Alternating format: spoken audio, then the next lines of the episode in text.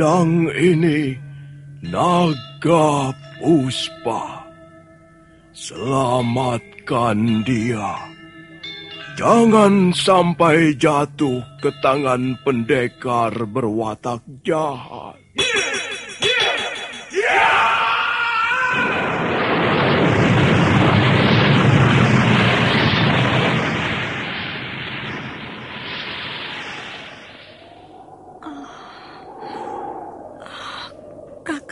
Kamandano. Kau... Kau masih juga tidak percaya bahwa aku... Aku mencintaimu. Mesin. Maafkan aku, Mesin. Oh. Mesin. Oh. Mesin!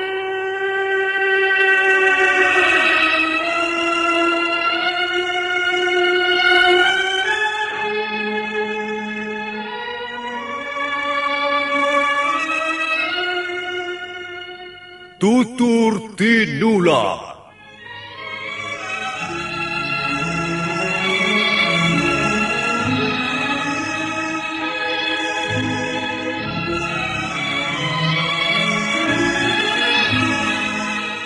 Sebuah sandiwara radio serial, produksi Sanggar Cerita dan teater Sanggar Prativi.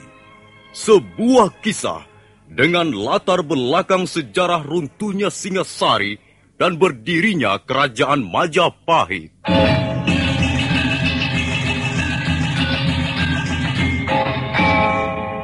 Sandiwara ini didukung oleh pemain-pemain radio yang sudah ternama. Ferry Fadli, Ivone Rose, dan Eli Ermawati.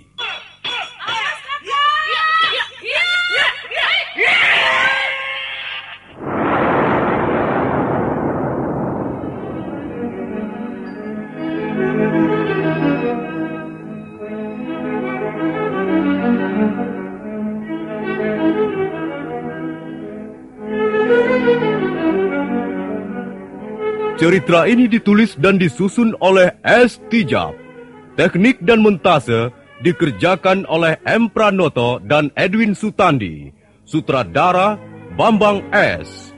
Kali ini mengetengahkan episode kedua dengan judul Kisah dari Seberang Lautan.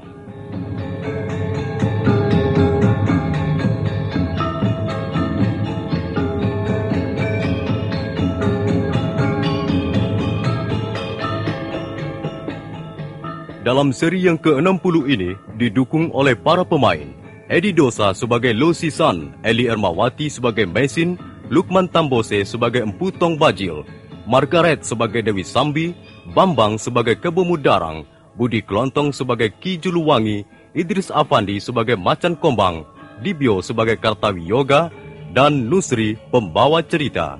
Selamat menikmati.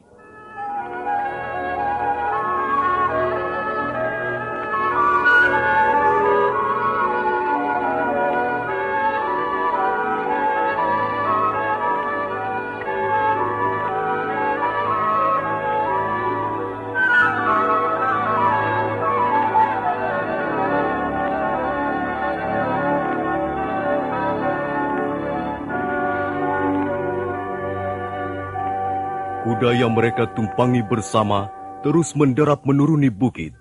Mesin mendekap pinggang suaminya dengan erat sekali. Kuda itu memang lincah. Kakinya seolah sudah hafal jalan di sekitar tempat itu. Sebelum matahari sama sekali tenggelam di ufuk barat, mereka sudah tiba di tepi sungai yang merupakan cabang dari sungai Berantas di sebelah barat. Loh, ada sungai yang deras sekali airnya. Ah, apakah kita bisa berjalan terus? Hanya, akan kulihat dulu, ha? Ah, wait, tunggu di sini sebentar, ha? Pendekar Lo lalu melompat dari punggung kuda, kemudian berjalan ke arah sungai. Tak lama kemudian, dia sudah kembali lagi. Oh, sungai ini tidak dalam airnya. Kita bisa jalan tulus, Mesin. Ah, kalau begitu, ayo naiklah kembali ke atas kuda. Ah, tidak usah. Kau saja yang naik. aku akan menuntun kuda ini. Hmm? Kalau tidak dituntun, dia bisa hanyut di bagian yang airnya anu delas. Hah? Uh, tapi uh, tapi kau nanti capek loh. aku kan suamimu, Mesin. Seorang suami yang baik harus mau capek untuk istrinya. Ah, kau pegang kuat-kuat ah. Jangan, anu, jangan sampai jatuh. Jaga keseimbangan tubuhmu supaya tidak terguling. Pelan-pelan saja ya, Lal ya. Ah, ah.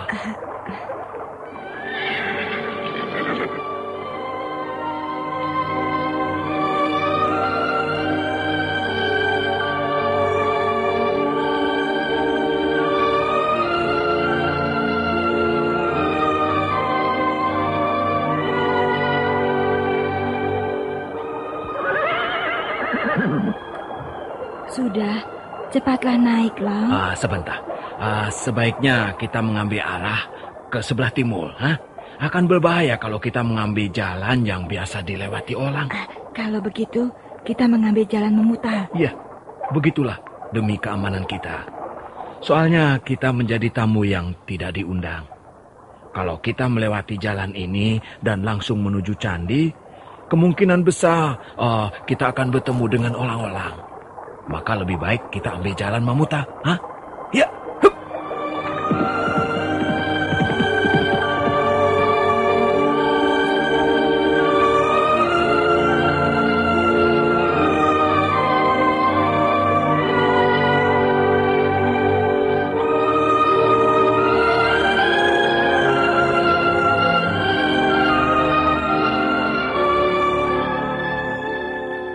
Malam benar-benar telah turun menyelimuti kaki gunung penanggungan.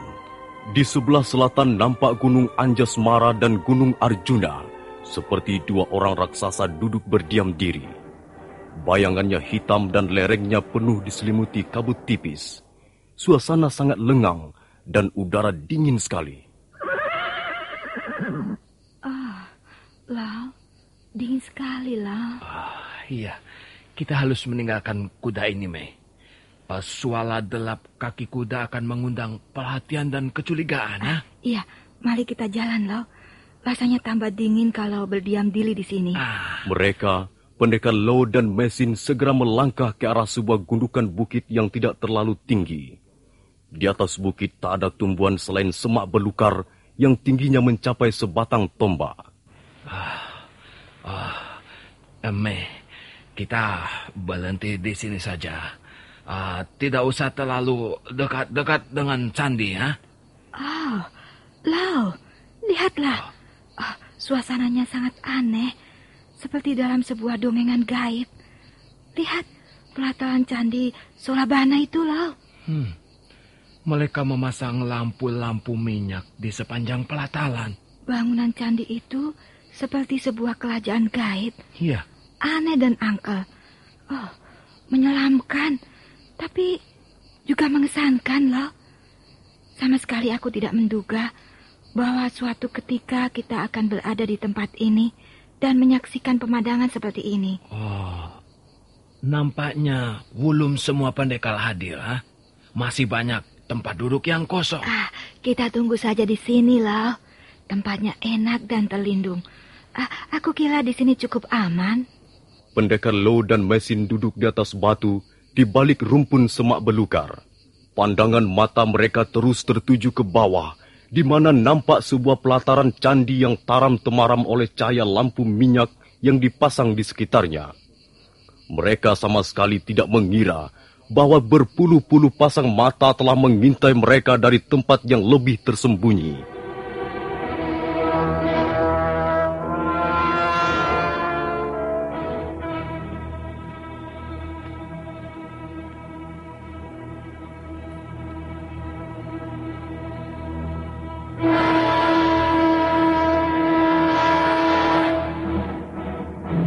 Sementara itu, di pelataran Candi Surabana kelihatan sibuk.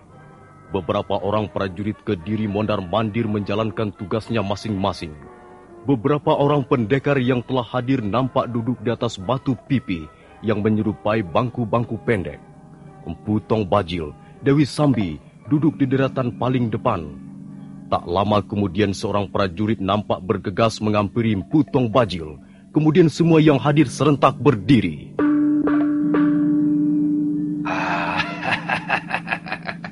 Selamat datang tuanku ke Bobundara. Ya, selamat, selamat. Bagaimana? Apakah para pendekar sudah banyak yang hadir? Ah, nampaknya belum seluruhnya tuanku. Kalau begitu kita tunggu saja. Tapi Tuan, kita tidak bisa menunggu terlalu lama. Acara harus berjalan lancar sesuai dengan rencana. Benar Dewi Sambi. Kalau begitu baiklah. Marilah kita segera membuka acara ini.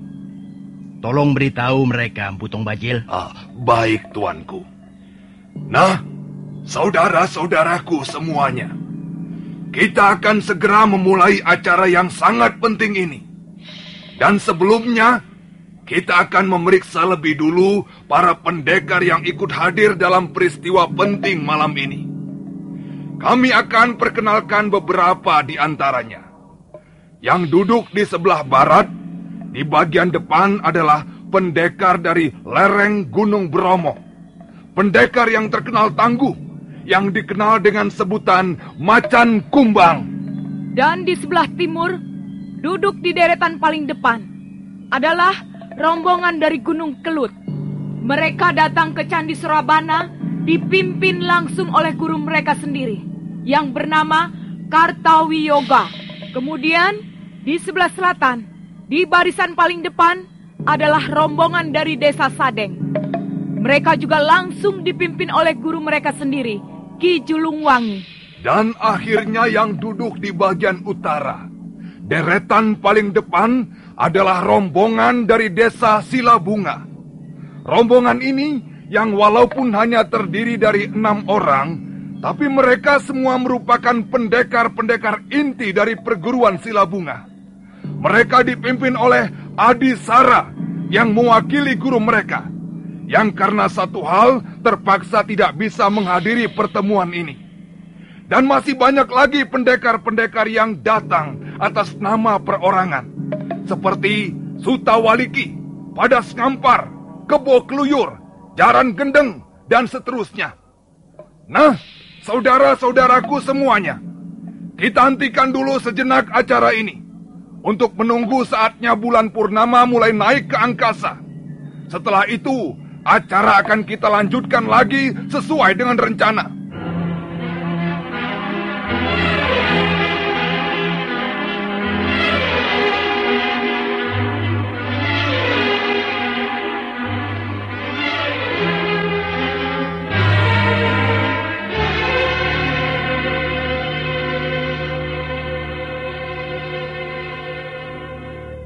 Mendadak suasana di pelataran Candi Surabana menjadi sunyi dan lengang. Tak ada orang yang bergerak ataupun bicara. Semuanya memandang ke arah timur, ke arah langit yang di mana bulan purnama nanti akan muncul. Oh, sungguh menakjubkan pemandangan ini, Lau. Lihat, mereka diam, duduk seperti alca dengan kepala menengadah ke arah timur. Mei, hanya hati-hati, Mei Ada apa, Lau? Aku curiga. Jangan-jangan kehadiran kita di sini sudah mereka ketahui, ha?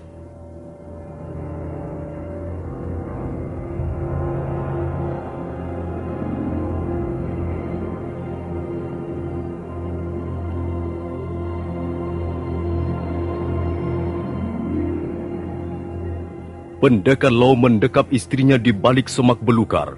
Dia tahu ada banyak mata mengawasi mereka. Sementara itu di pelataran candi masih seperti kuburan tua yang tidak dirawat lagi. Seram, sunyi, dan lengang.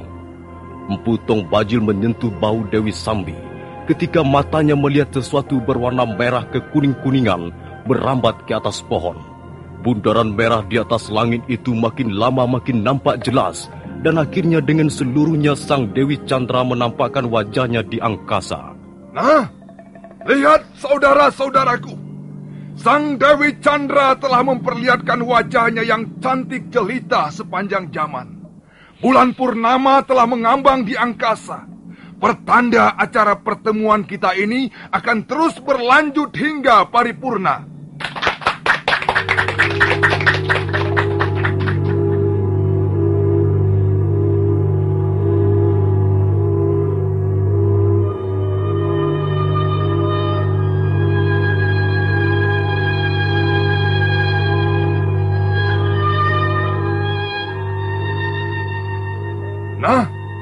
Saudara-saudaraku, marilah acara kita lanjutkan lagi.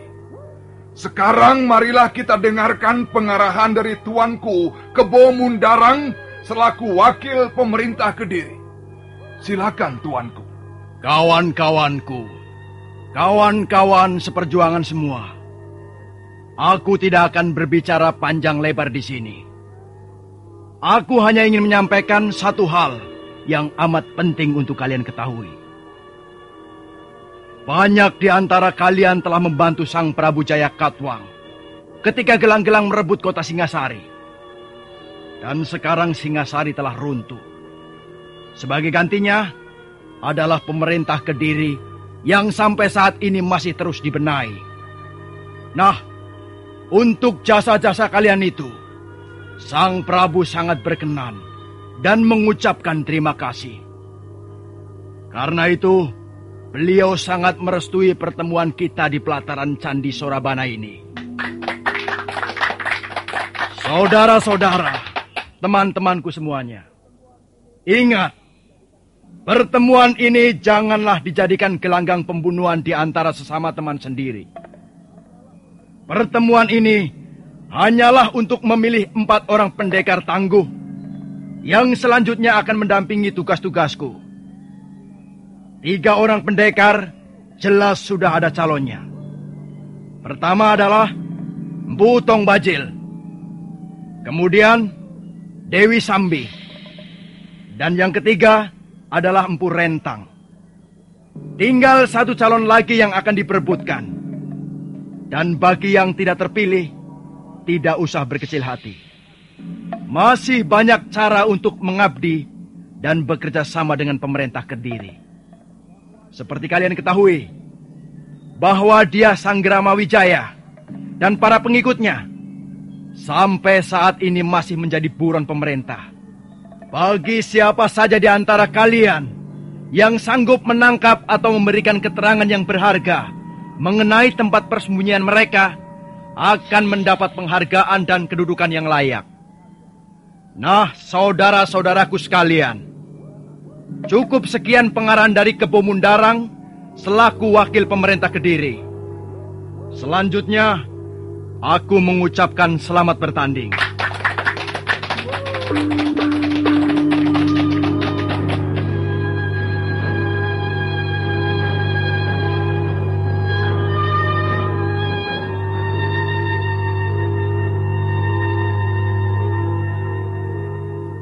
Suasana malam terang bulan purnama di pelataran Candi Surabana menjadi sunyi. Para pendekar duduk di tempatnya masing-masing, menunggu siapa yang bakal turun ke gelanggang untuk pertama kalinya. Mendadak keheningan suasana itu pecah dengan terdengarnya cambuk yang menggeletar beberapa kali.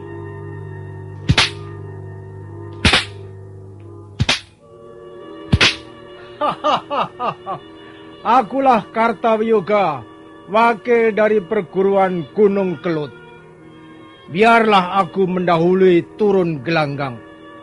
Aku sudah tidak sabar lagi menunggu. Kulihat mereka semua diam, membisu seperti tugu. Mengapa harus sungkan-sungkan? Kalau memang tidak berminat menduduki kursi calon pendekar keempat, mengapa jauh-jauh datang ke Candi Sorabana? Baru sekejap wakil Gunung Kelut itu menyelesaikan kata-katanya, mendadak dari arah selatan berkelebat sebuah bayangan.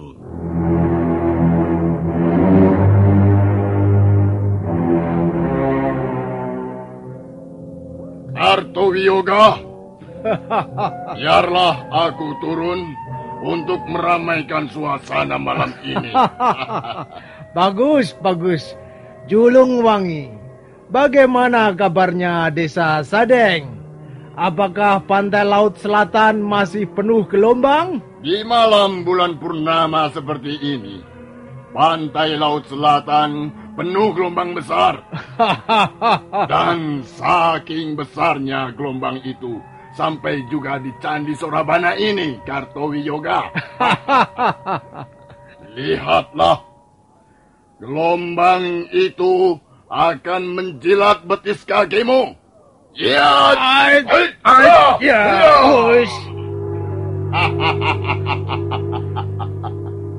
Rupanya kau masih senang menggembalakan domba di lereng Gunung Kelut.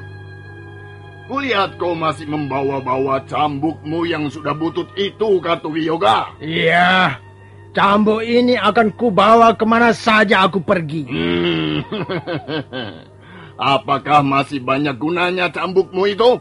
Oh, paling tidak cambuk ini bisa untuk mencambuk kambing-kambing buduk dari dataran Sadeng, desa kelahiranmu. Hai, hai, hai, ya. Ya, ya. Oh. Ya. Pendekar dari lereng Gunung Kelut yang bernama Kartawiyoga itu terus melancarkan serangan dengan cambuknya. Bunyi cambuk meletup-letup. Dan setiap cambuk itu membentur batu yang keras, maka ujungnya memercikan api. Julung Wangi, pendekar dari desa Sadeng, daerah pesisir selatan, harus berhati-hati kalau tak ingin kulitnya terkelupas. Pertarungan antara dua pendekar terus berlangsung dengan sengit. Keduanya nampak memiliki kemampuan seimbang. Tapi Julung Wangi lebih muda dan kelihatan jauh lebih tenang. Hal itulah yang menguntungkannya. Dan terbukti setelah 12 jurus berlalu, maka Kartawi Yoga nampak mulai terdesak. Ya!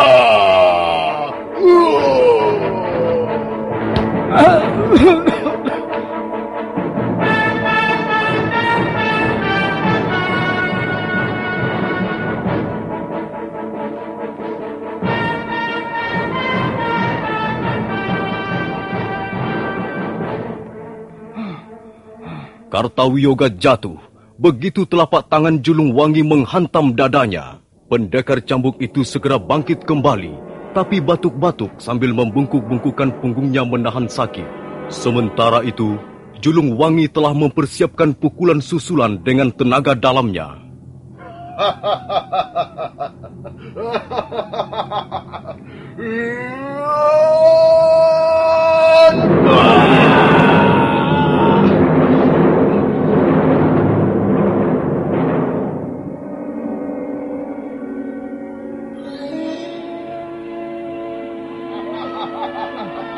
Jangan begitu, Jolung Wangi. Lawan yang belum pulih kesiagaannya tidak boleh dipukul. eh? Rupanya aku berhadapan dengan pendekar dari Gunung Bromo. Ya, aku macan kombang dari Gunung Bromo. Apakah lereng Bromo sudah tak ada kijang menjangan lagi? Sehingga kau keluyuran sampai kemari? Huh? Jolong Wangi, aku tidak doyan lagi memangsa daging kejang, menjangan atau kancil. Sudah sejak lama aku ingin mencicipi darah nelayan sading yang katanya amat gurih. Julung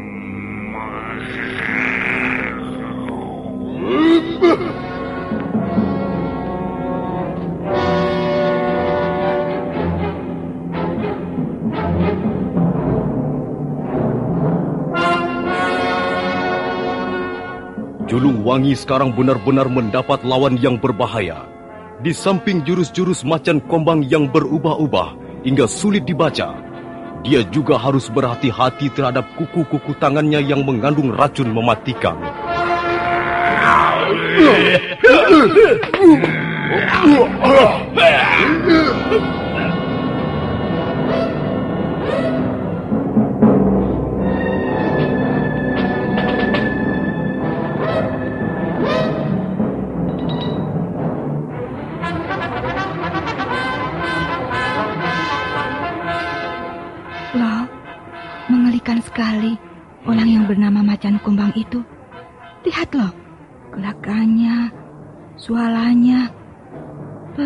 seekor harimau, mencakar, menerkam, mengintai mangsanya dengan licik sekali. Mi, Ah, ada apa loh? kita tidak berdua lagi di tempat ini. Hanya Loh, kita telah dikepung.